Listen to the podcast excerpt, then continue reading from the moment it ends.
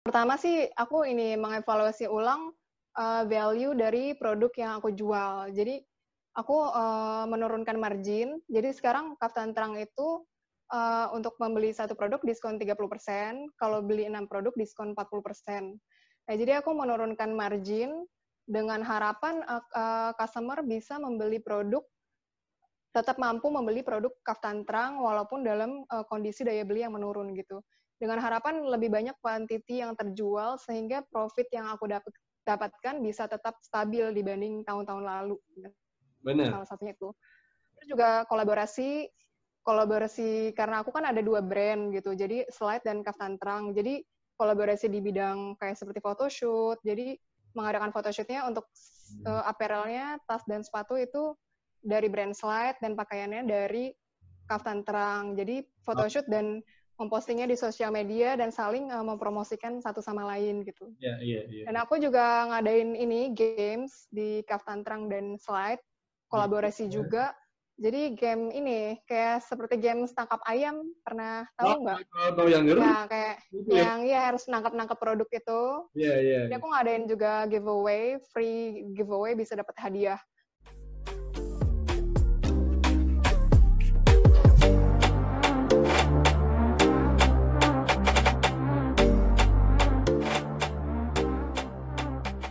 Nah, ngomong soal usaha, jadi uh, Andina ini yang gue tahu nih, Din, yang gue tahu ya, lu tuh membangun sebuah usaha yang kalau nggak salah tuh dari 2000 pas lu kuliah deh 2008 apa 2009 gue denger lu lu membangun sebuah usaha yang dulu namanya tuh bukan seperti nama yang sekarang. Kalau yeah. dulu Spotlight ya.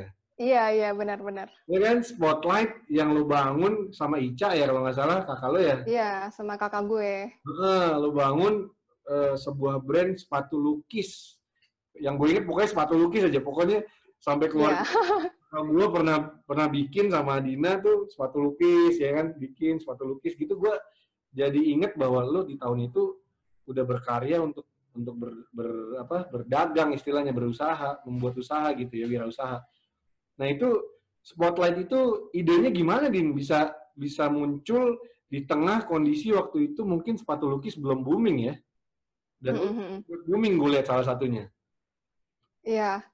Dulu idenya ya, idenya kan dulu memang gue sama kakak gue uh, termasuk um, emang salah satu anak dari keluarga gue yang hobi bisnis tuh emang kita berdua gitu.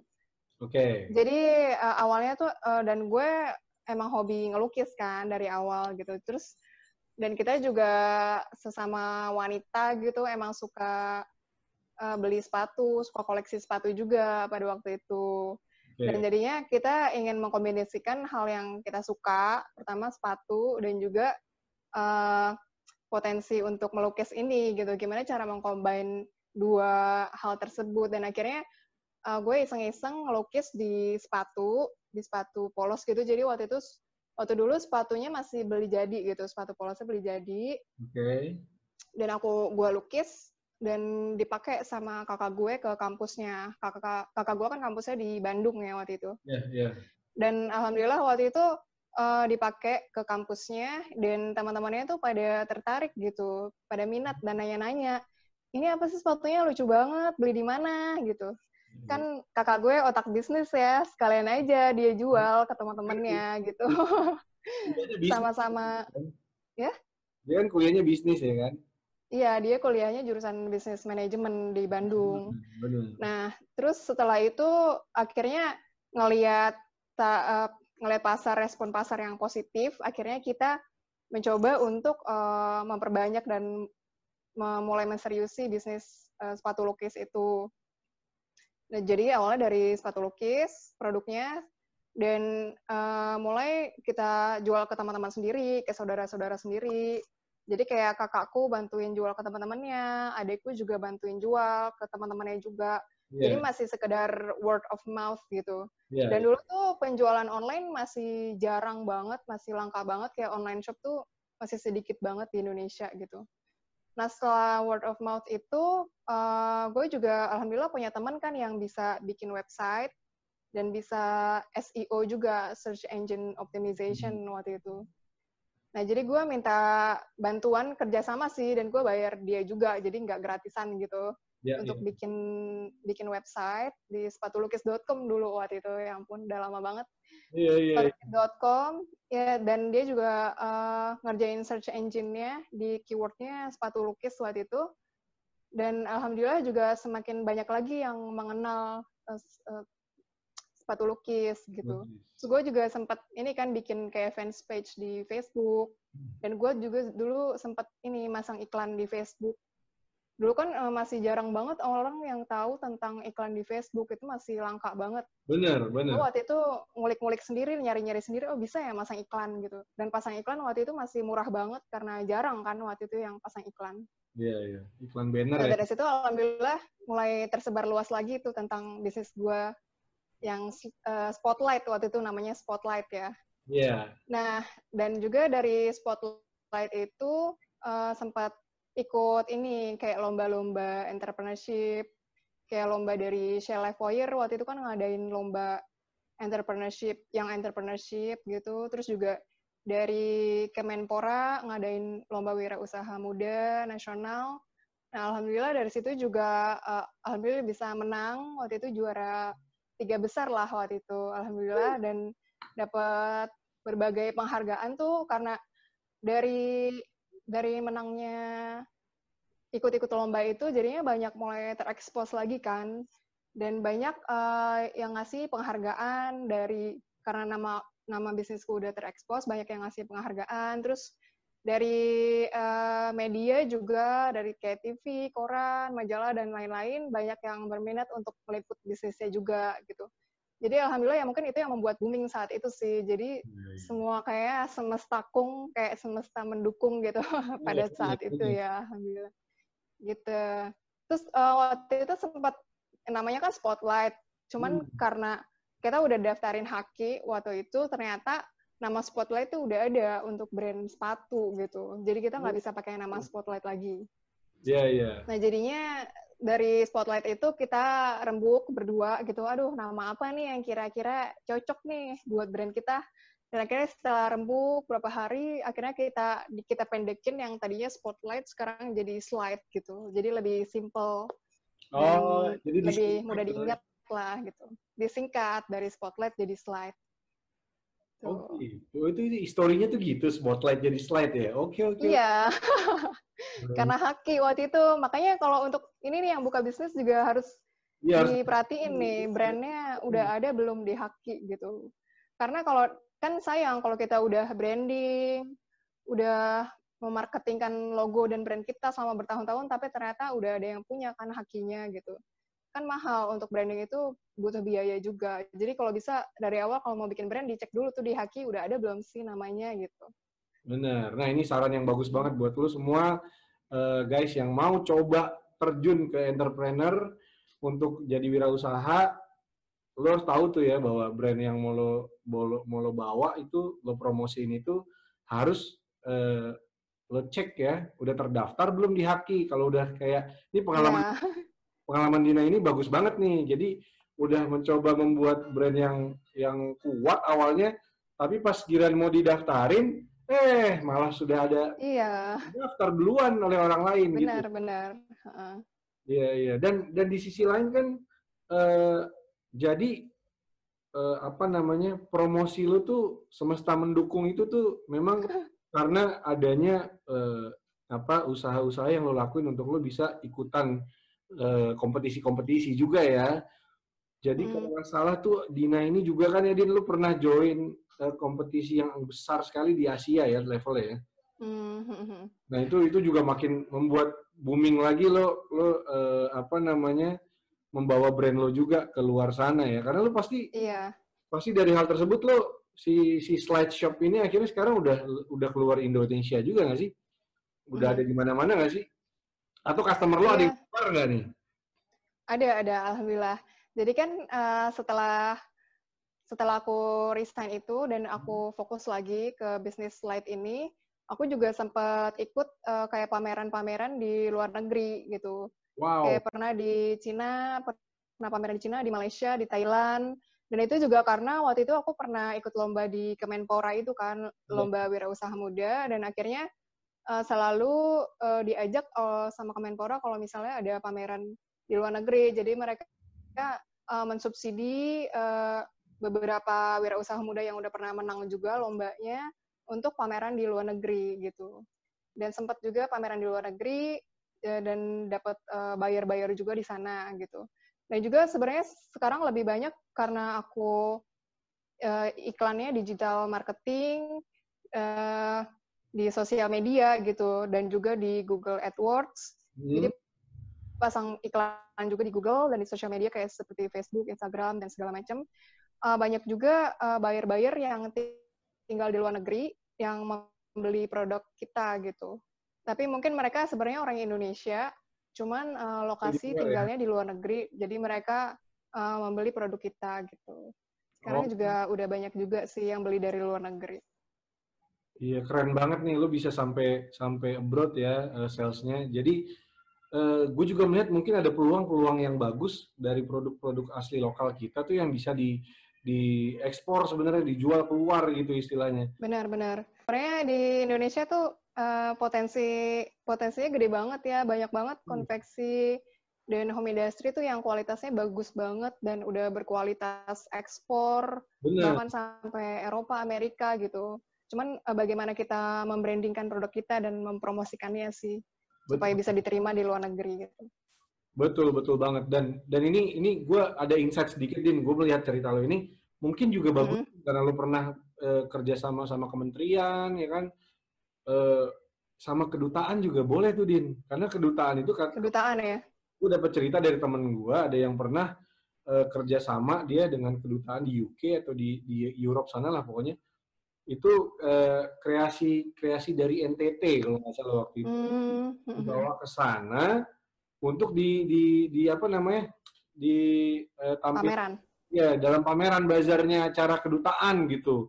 Tapi yang datang mm. bukan hanya orang Indo doang banyak banyak emang orang luar juga yang akhirnya lihat dan akhirnya itu kayak oh ini apa namanya kain. Gue pernah dengar temen gue kain. tuh, kain songket gitu. NTT. tenun tenun.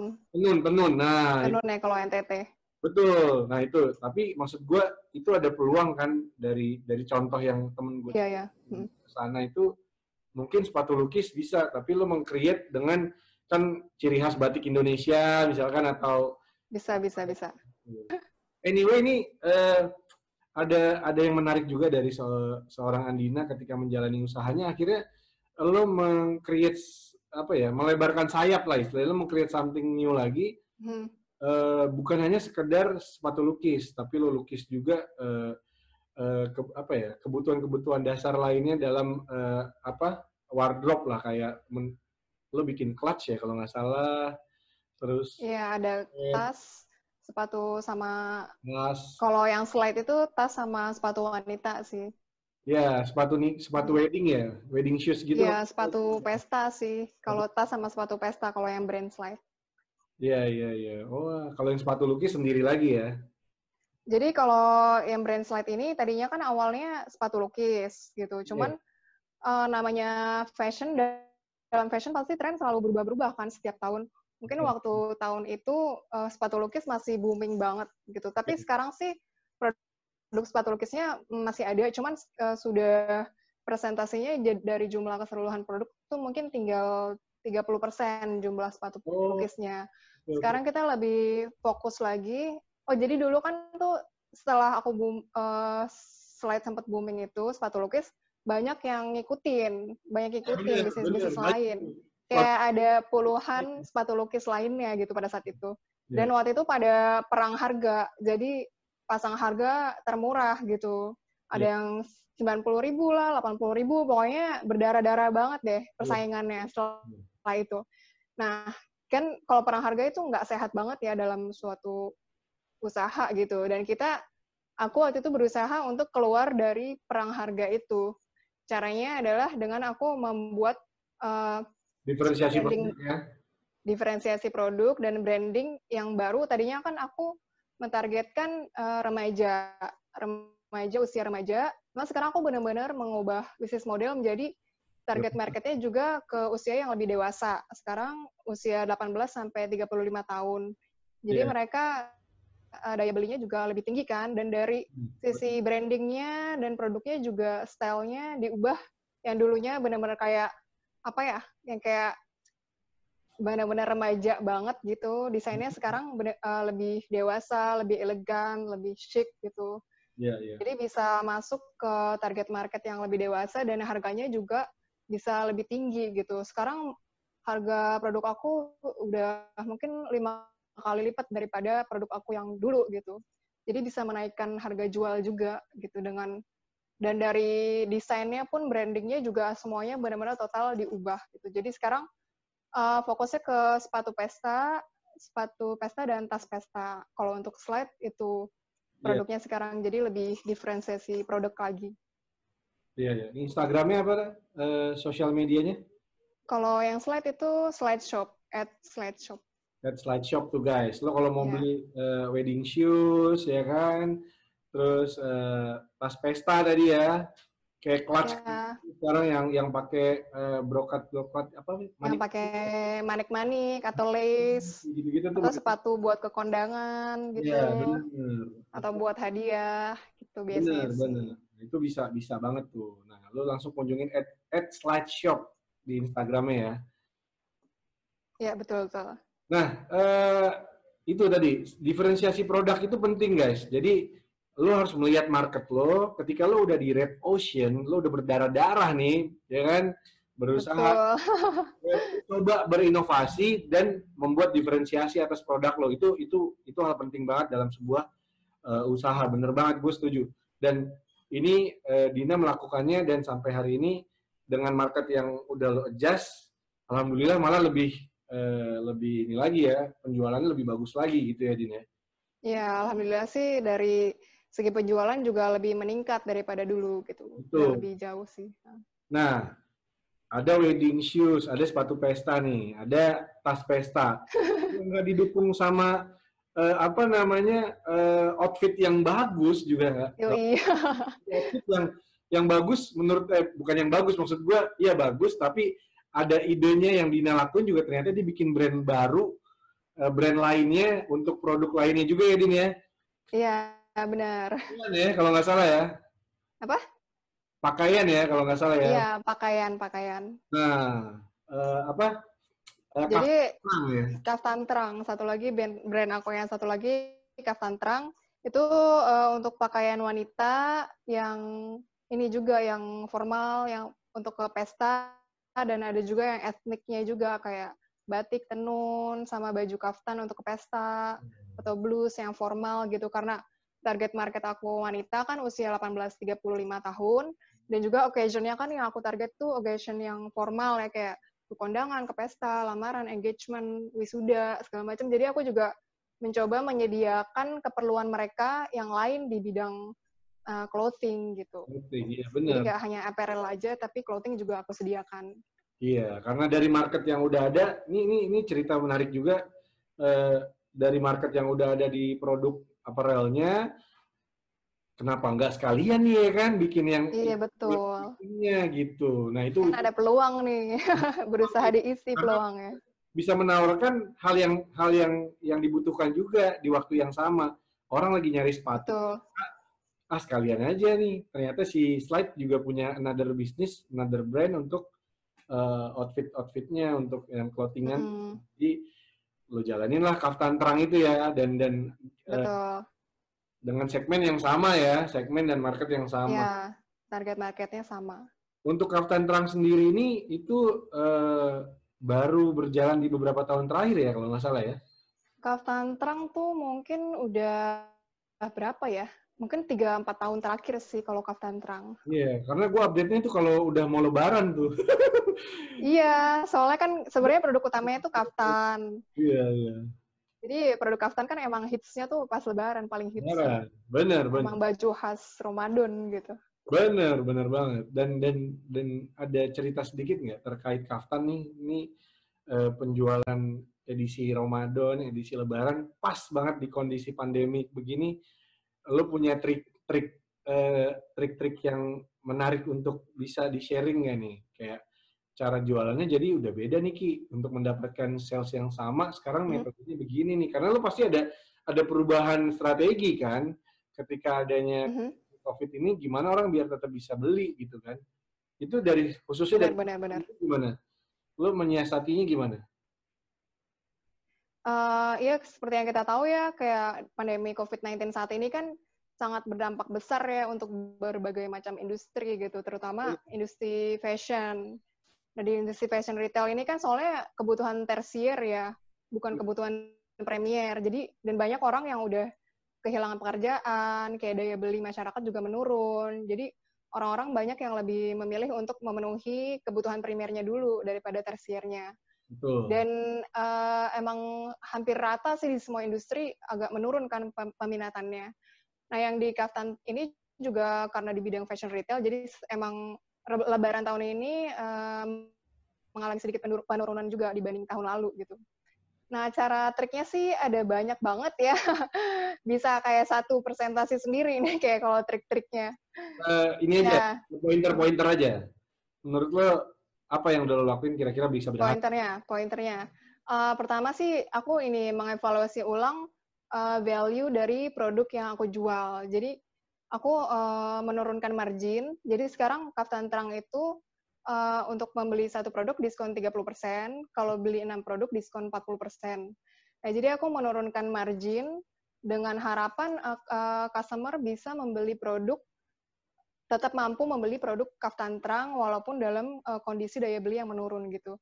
Dengan harapan lebih banyak quantity yang terjual sehingga profit yang aku dapat dapatkan bisa tetap stabil dibanding tahun-tahun lalu. Benar. Salah satunya itu.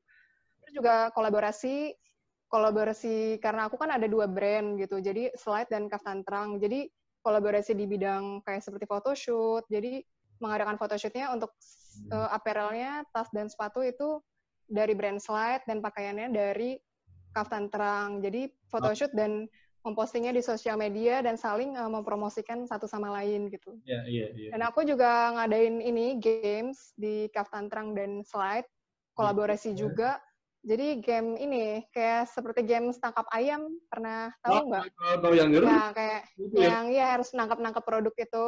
Iya yeah, iya. Yeah, Jadi aku ngadain juga giveaway, free giveaway bisa dapat hadiah baju, tas dan sepatu gratis. Jadi dengan cara nangkep baju, tas dan sepatu. Dan mereka yeah. harus posting di sosial media masing-masing dan follow dan tag, tag uh, kaftan terang dan slide gitu. Alhamdulillah dari games itu juga responnya bagus gitu.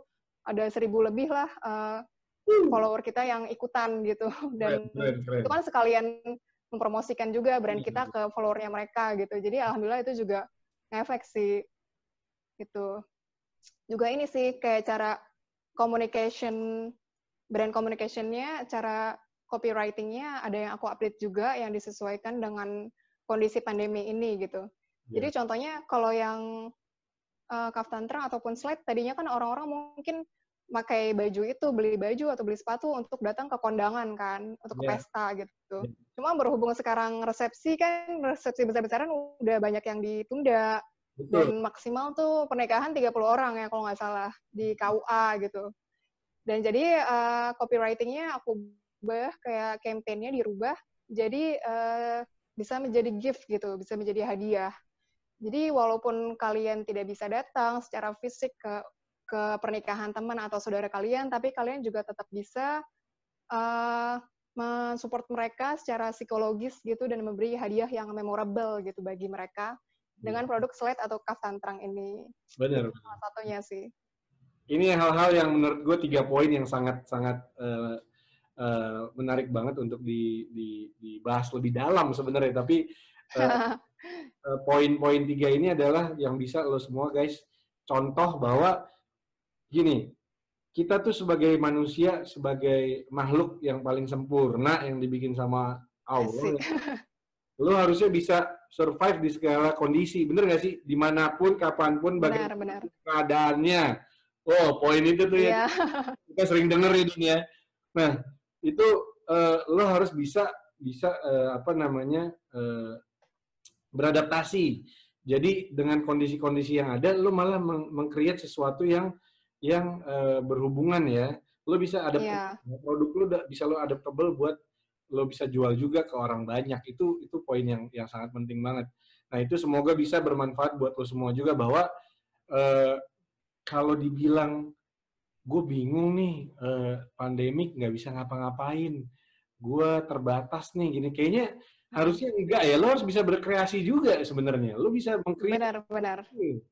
dari dari apa yang yang yang uh, kondisi yang saat ini terjadi gitu kan. Nah benar si kaftan terang nih gue gua ada satu pertanyaan menarik nih karena di, mm -hmm. tengah pandemi nama masker itu sangat-sangat booming banget. Apa oh. produk Kaftan Terang itu juga memproduksi masker? Enggak. Masker. Uh, sebenarnya kita sempat kepikiran untuk memproduksi masker. Cuman kita uh, melihat satu peluang lagi yang lebih menarik buat kita daripada masker gitu. Yang kira-kira marginnya lebih tinggi dan dibutuhkan banyak orang juga, terutama target market kita gitu. Yes. Jadi sekarang kita juga lagi develop ini sih leisure wear karena banyak orang kan terutama target market kita hmm. banyak yang harus work from home, stay yes. at home. Jadi mereka membutuhkan memenuhi kebutuhan mereka selama di rumah gitu. Jadi kita juga uh, sedang develop untuk produk leisure wear seperti piyama yeah, yeah, untuk yeah. di rumah gitu. Kalau masker uh, emang kepikiran, cuman saat ini belum sih kita lagi develop fokus ke yang leisure wear ini dulu. Iya iya iya. Ya benar sih, memang orang lebih banyak di rumah pakai pakaian-pakaian hmm. rumahannya hmm. malah yang sebenarnya mereka paling mungkin butuhin untuk dibeli ya nggak sih? Aduh, biar PW, yeah. PW di rumah harus pakai yang outfit juga dong dan nyaman pastinya ya. Dan itu yang benar, benar. yang Kaftan Terang sekarang sedang uh, uh, apa mengarahkan produknya ke sana ya. Mm -mm. Oke oke, nah ini ini ini uh, insight yang bagus juga buat lo semua. Jadi jangan hanya melihat yang lagi booming. Ternyata leisure wear ini contohnya kayak piyama itu juga kepikiran loh sama ownernya slide shop ini. Padahal banyak mungkin uh, uh, fashionista, eh bukan fashionista sih, apa bahasanya ya kalau di uh, fashion producer. Apa ya? fashion producer nih oh. banyak yang oh. banyak yang akhirnya uh, memproduksi masker masker yang banyak manik-maniknya yang keren-keren banget tuh yang dipakai sama hmm. selebriti hmm. ya kan itu juga juga yeah, yeah. banyak meningkatkan ini juga cuma ternyata ada hal yang lain yang bisa lo bangun juga ya Dini ya di di produk Yama itu salah satunya itu keren banget sih menurut gue oh. Nah Din di satu sisi lain nih seorang Andina Irvani. Uh, kalau ini kan sudah udah udah 10 tahun lebih lah ya uh, mengurusi atau menjadilah menjadi seorang pengusaha. Lo itu memang kan tadi lo bilang akhirnya ada passionate untuk untuk uh, untuk menjadi seorang wirausaha ya, womanpreneur nih. Mm -hmm. Tapi hal tersebut yang yang mungkin uh, boleh di sharing juga ke kita, lo tuh ter ter influence dari apa atau siapa sih gitu. Nah karena tadi kan sedikit lo bilang uh, memang dari dari keluarga yang bisnis dan yang yang akhirnya terjun itu anaknya cuma dua lo bilang ya kan? Lo sama Ica. Nah mm-hmm. tapi apakah influence ini lo dapat dari keluarga atau insight lo dapat dari luar atau dari lo ngelihat pas lo lagi di di US mungkin atau di mana nah itu boleh nggak di-sharing? Kalau influence pastinya dari orang-orang yang terdekat ya, dari keluarga. Karena kebetulan uh, kalau keluarga papaku emang rata-rata dari om, tante, sama papaku sendiri juga banyak yang terjun di bidang wirausaha. Dari kecil, aku juga udah lihat papaku udah memang berwirausaha dari awal. Jadi mungkin itu juga jadi salah satu influence aku. Aku udah ada suatu tokoh panutan dalam real life gitu yang bisa aku contoh dalam bidang wirausaha gitu. Dan mamaku juga, walaupun mamaku saat ini mungkin tidak menggeluti bidang usaha, ya, tapi mamaku juga menjadi salah satu influence aku uh, dalam bisa menjadi seorang wanita yang tegar, yang tangguh, pantang menyerah gitu, dan selalu memiliki kayak dreams atau goals yang tinggi dan mau bekerja keras, mau berkorban itu aku dapat dari mamaku sih karena mamaku tuh orang yang tangguh dan tegar banget sih sebagai wanita gitu. Ya itu salah satu uh, salah dua uh, influence aku dalam real life gitu. Dan mamaku juga sempat apa sering kayak ngasih semangat atau ngasih contoh-contoh teman-temannya, yeah. ngasih cerita-cerita yang bisa menginspirasi aku juga sebagai anaknya gitu. Nah, kalau dalam real life sih, uh, influencer besar tentunya orang tua aku ya. Kalau dalam tokoh gitu, tokoh, suatu tokoh yang nasional, internasional, aku ini sih, apa, ingin mencontoh Khadijah gitu, almarhumah oh. Khadijah, istrinya Nabi.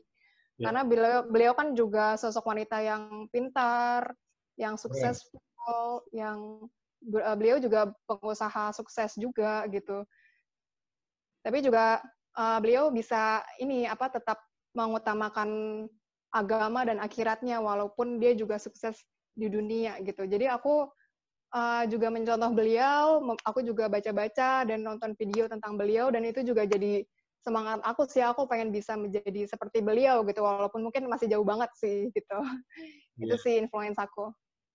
Wah keren banget, iya bener. Orang tuh banyak yang yang yang nggak mengira bahwa gue gue pribadi nggak mengira loh ternyata influencer lo selain keluarga ya itu adalah uh, ibu Siti Khadijah ya. Jadi gue amazed sih pas denger itu. Wih gila. Berarti oh ya. sangat nggak kelihatan ya? Karena gini anak muda sekarang anak muda sekarang itu pasti uh, influencernya duniawinya tuh tinggi banget ya nggak sih hmm. kayak uh, gue pengen uh, jadi kayak artis ini, gue pengen jadi, oh. iya kan kayak gitu-gitu kan. Iya. Gue gue gue pengen jadi youtuber nih misalkan nih, youtuber gue. Ini Atta Halilintar. Iya langsung ke siapa gitu.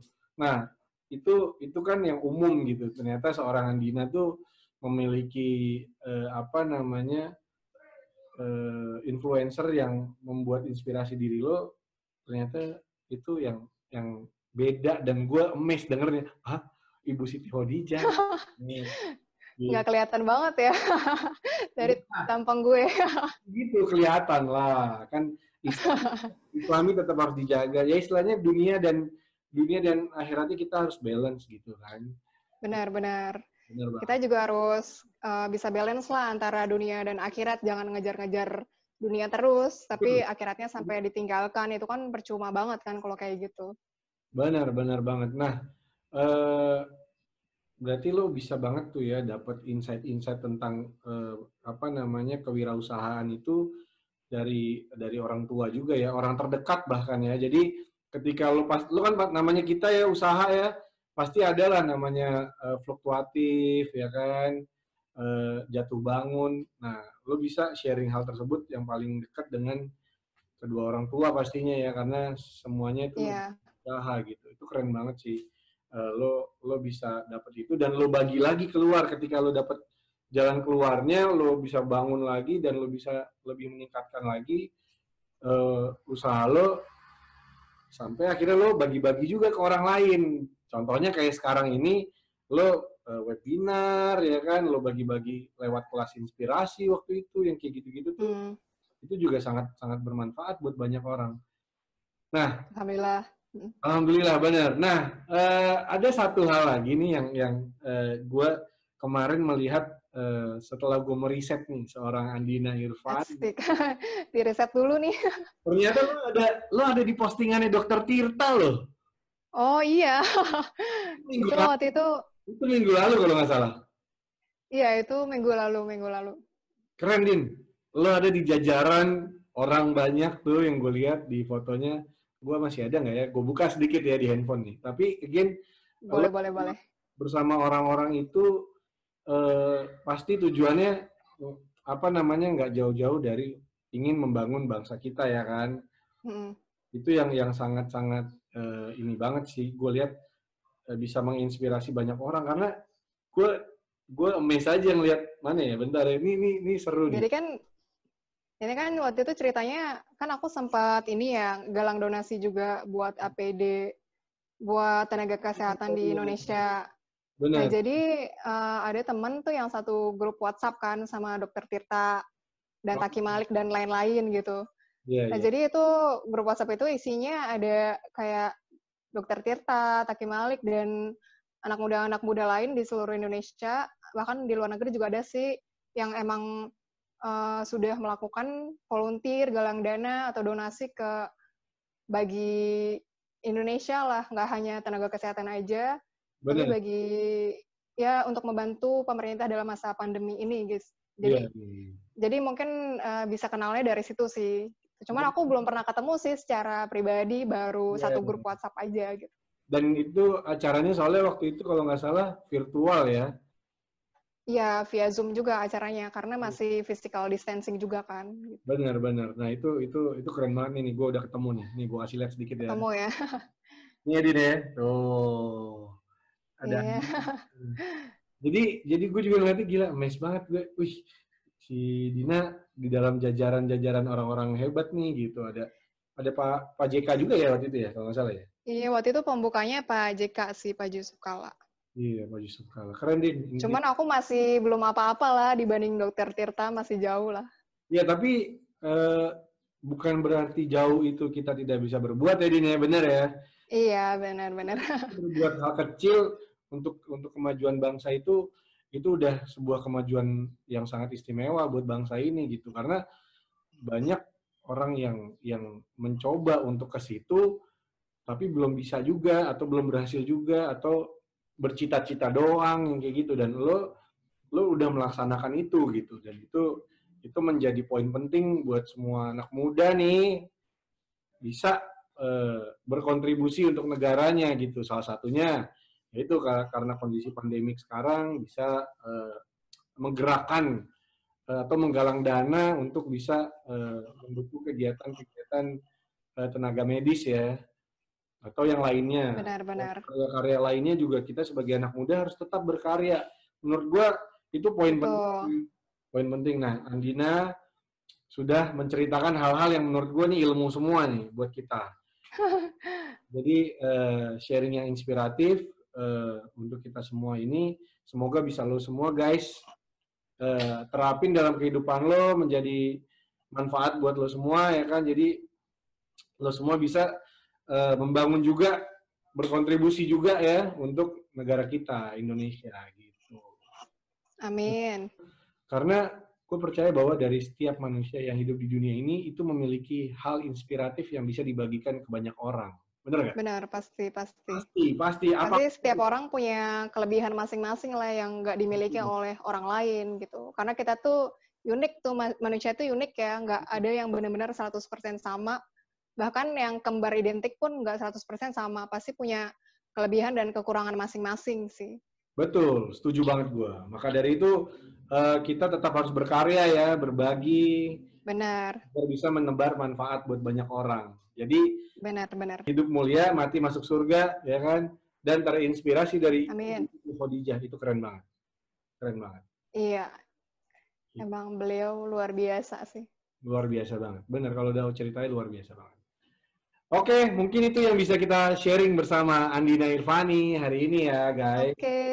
Andina, alhamdulillah Zaza Kilau Hero udah sharing bareng kita semua. Amin. Jasa Hero. Amin, amin, amin. Jangan kapok ya. Tadi tiga poin uh, yang boleh di-sharing sama Andina, boleh juga tuh nanti kita kupas suatu saat nanti ya, Din. Uh, boleh, boleh. Siap, materi, siap. Materi yang lainnya. Uh, terus okay. menemukan buat banyak orang uh, terus bisa bermanfaat buat negara kita, terus berkontribusi yang jelas kita bisa menjadi negara yang semakin berkembang dan maju untuk untuk uh, banyak orang lah ya. Gitu. Amin, insya Allah bisa. Bisa, amin. Sampai ketemu lagi ya Dika. Ya, sampai ketemu.